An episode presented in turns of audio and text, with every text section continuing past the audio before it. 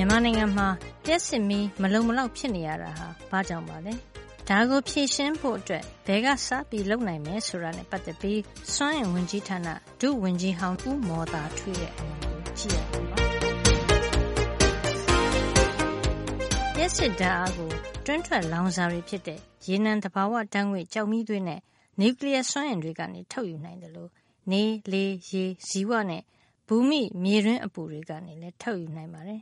မြန်မာနိုင်ငံမှာ လျှပ်စစ်ထုတ်ယူနိုင်တဲ့ အလားအလာရှိတဲ့ စွမ်းအင်အရင်းအမြစ်တွေ ရှိနေရက်နဲ့ မထုတ်နိုင်တာတွေ ထုတ်နိုင်တာကြတော့လည်း မသုံးနိုင် ဖြစ်နေတာတွေကြောင့် ကမ္ဘာမှာသာမက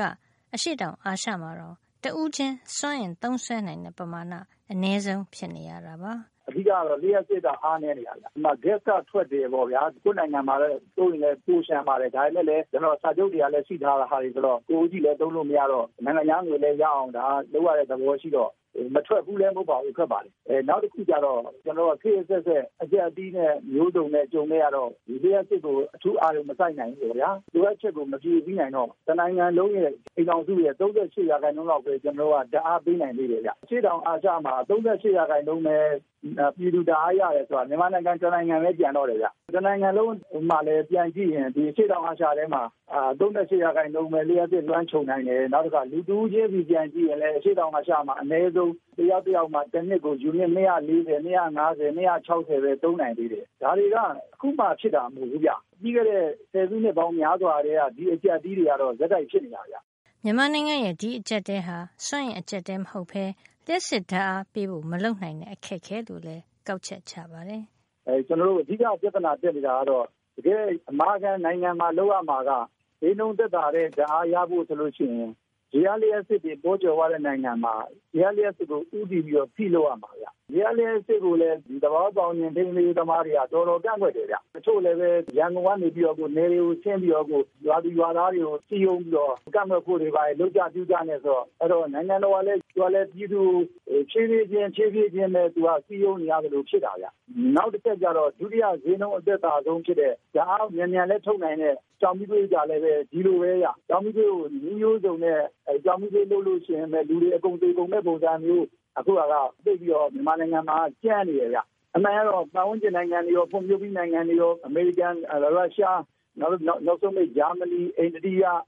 ထိုင်းနိုင်ငံဗီယက်နမ်တရုတ်အကုန်လုံးကကြောင်ပြီးသွေးမပါဘဲနဲ့လျှက်စစ်တာပေးလို့မရဘူးဗျသူတို့တွေအကုန်လုံးကြောင်ပြီးသွေးသုံးပြီးတော့လည်းလျှက်စစ်တာပေးတာပဲဒါပေမဲ့သူတို့မှရလျှက်စစ်ရှိရင်လည်းရလျှက်စစ်ကိုအမာခံထားတာပဲ ဒါပေမဲ့ဒီနိုင်ငံတွေမှာဖွံ့ဖြိုးလာတဲ့ခါကျတော့ဘာနဲ့ထပ်ဖြည့်ရှင်းတော့ဆိုနျူကလ িয়ার နဲ့ထပ်ဖြည့်ရှင်းလိုက်တယ်ဗျအဲ့တော့သူတို့တို့ကသူတို့ကစားလို့ရတာပဲဗျကျွန်တော်နိုင်ငံကြနျူကလ িয়ার ဘိုင်းကြလည်းကျွန်တော်ကအလှမ်းနည်းနည်းကျဲနေတယ်လို့ဖြစ်တယ်နောက်တစ်ခါကိုယ်မှာအရင်းအမြစ်တွေကလည်းရေလျက်စစ်တွေလည်းပေါ်ကျွယ်ဝရဲ့သားနဲ့ကျွန်တော်ကမလုံနိုင်တာနောက်တစ်ခါကြောင်မှုတွေကြလည်းပဲကျွန်တော်အနိပန်းကျနိုင်ငံတွေကနေပြီးတော့အင်ဒိုနီးရှားတို့ဩစတြေးလျတို့ကနေဝယ်သွင်းလို့ရှိရင် ပင်လယ်ကူးတင်မောက2ရက်3ရက်ဆိုရင်တန်ချိန်ကောင်းသိန်းနဲ့ချီပြီးတော့ကျွန်တော်ရောက်လာပြီးတော့ပင်လယ်ကမ်းရိုးတန်းမှာစက်ရုံတွေတည်ပြီးလဲလို့ရတာတွေလည်းပဲကျွန်တော်မလုပ်နိုင်ဘူးအဲ့တော့နိုင်ငံစွမ်းရင်အကျအတီးဖြစ်တာမဟုတ်ဘူးကြအဓိကကတော့အဲ့စွမ်းရင်အကျအတီးရဲ့အောက်ကကျွန်တော်လျှက်စစ်မှာအဲ့လိုအဲ့လိုအဲ့လိုကန့်ကွက်တာတွေပြုတာတွေဘာတွေကကျွန်တော်တို့နိုင်ငံဖွံ့ဖြိုးရေးကိုအများကြီးနှောက်ယှက်ဖြစ်နေတာကြဒီလိုအကျက်တဲတွေရှိနေတာကြောင့် LNG လို့ခေါ်တဲ့ရေနံဓာတ်ငွေရေကိုတင်သွင်းပြီးဓာတ်အားထုတ်ဖို့အတွက်စီစဉ်လာရတယ်လို့ပြောပါတယ်။ ရွေးကောက်ခံအစိုးရကလည်းပြည်သူ့ရဲ့ဆန္ဒကိုလည်းပဲအလေးနဲ့ထားတဲ့အနေနဲ့ရှောင်တိတ်ပြီးတော့သူလုပ်တဲ့ခါကျတော့သူဘာကိုစဉ်းစားတော့ဆို LNG ကိုပြန်တင်သွင်းပြီးတော့ဓာတ်ငွေ့ဓာတ်အားပေးစက်ရုံတွေအဖြစ်နဲ့သုံးမယ်လို့ပြောတဲ့ခါကျတော့အဲဒီ LNG ကမဂါဝပ်၃,၀၀၀ကျော်ကို၃နှစ်လောက်အတွင်းသူကလည်အောင်လုပ်မှာဆိုတော့အဲဒီတော့ပြည်သူတွေကတော့ဓာတ်အားခဈေးကြီးကြီးပေးပြီးသုံးရတော့မယ့်သဘောဖြစ်သွားပြီ။အဲဒီတော့စောစောတုန်းကဈေးသက်သာတဲ့ဟာတွေကိုကျနော်တို့ကပြည်သူတွေကကန့်ကွက်တော့အခုပြည်သူတွေကဈေးကြီးကြီးနဲ့ မောင်းမယ့် LNG ကိုတဖြစ်လဲပေါ့ဗျာ။ LNG ကဝယ်သွင်းရမှာဗျ။သုံးနှစ်လေးနှစ်အတွင်းမှာအဲဒီစက်ရုံကမဂါဝပ်၃,၀၀၀ကျော်လောက်ဝင်လာမယ်ဆိုတော့ ပြည်သူတွေကအဲဒီနောက်ပိုင်းမှာတော့အတော်လေးကိုဓာတ်အားခဝန်ပိမယ်ဗျ။ဒါပေမဲ့ပြည်သူတွေဓာတ်အားခဝန်ပိတယ်လို့ပြောရင်ပြည်သူတွေကိုကျနော်တို့ကနိုင်ငံတော်အစိုးရကဝန်မပိအောင်ဆိုပြီးတော့ Subsidize ပေါ့ဗျာကြားခံပြီးတော့နိုင်ငံတော်ကအရှုံးခံမယ်လို့ပြောလိုက်ပြန်တော့လေနိုင်ငံတော်ပတ်စံဆိုတာလေပြည်သူပတ်စံဗျပြည်သူပတ်စံဆိုတာလည်းပဲတခြားဖွံ့ဖြိုးရေးလုပ်ငန်းတွေလုပ်မဲ့ပတ်စံတွေကိုဒီလျှက်စစ်အရှုံးထဲမှာကျွန်တော်တို့ကလာပြီးတော့ခုလိုဖြစ်တော့ဖွံ့ဖြိုးရေးတွေပါကျွန်တော်တို့ကဒလေးဖြစ်မဲ့သဘောအားလုံးကချိတ်ဆက်နေတာပေါ့ဗျာအဲ့လိုပြဿနာလေးတွေရှိနေတယ်ကြနိုင်ငံမှာလေ LNG ကနေ လျှက်စစ်ထုတ်ဖို့ လုပ်ရတဲ့ အစီအစဉ်က ဘယ်လောက်ကြာကြာ သုံးဖို့ စီစဉ်နေတာပါလဲ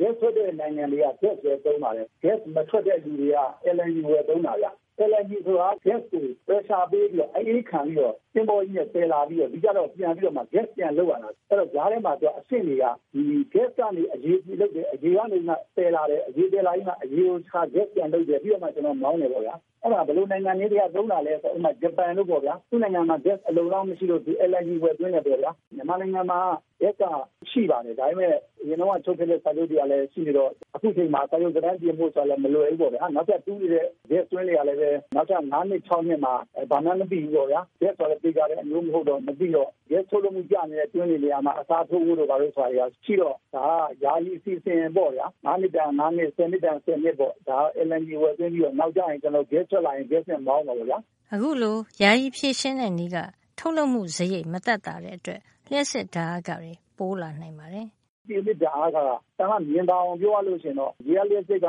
9ဆင့်ခွဲ6ဆင့်တယူနစ်ကိုထုတ်လုပ်မှုပြင်ကြတယ်။ကြောင်မီတို့ရ9ဆင့်သာသာအဲ့လိုအချိန်မှာကျွန်တော် LNG နဲ့မောင်းမယ်ဆိုလို့ရှိရင်9ဆင့်လောက်ဖြစ်သွားအောင်။အဲ့ဒီယူနစ်ကို6ဆင့်9ဆင့်လောက်နဲ့ထုတ်ရမယ်။ဓာတ်အားကို 90လောက်ထုတ်တဲ့ဓာတ်အားဖြစ်တော့နှစ်ဆင့်ဆိုရင်ကလေးမြန်မာနိုင်ငံမှာပေါက်တဲ့ဈေးဒေါ်လာ1400လောက်နဲ့တွက်ရင်တစ်ဆင့်ဆိုရင်14ကျပ်ဆိုတော့တယူနစ်ကို28ကျပ်လောက်ကွာတော့တဲ့ကြောင့်မလို့ပြည်သူကကတိကအောက်ဖြစ်တော့မှာပဲသိရတယ်။ဒါမှမဟုတ်ကျွန်တော်တို့ပြောနေတာရတဲ့စိတ်ကိုလည်းအခြေခံလုပ်ပါတောင်မှုတွေကိုလည်းလက်မလွတ်လိုက်ပါနဲ့ဘာလို့ဆိုတော့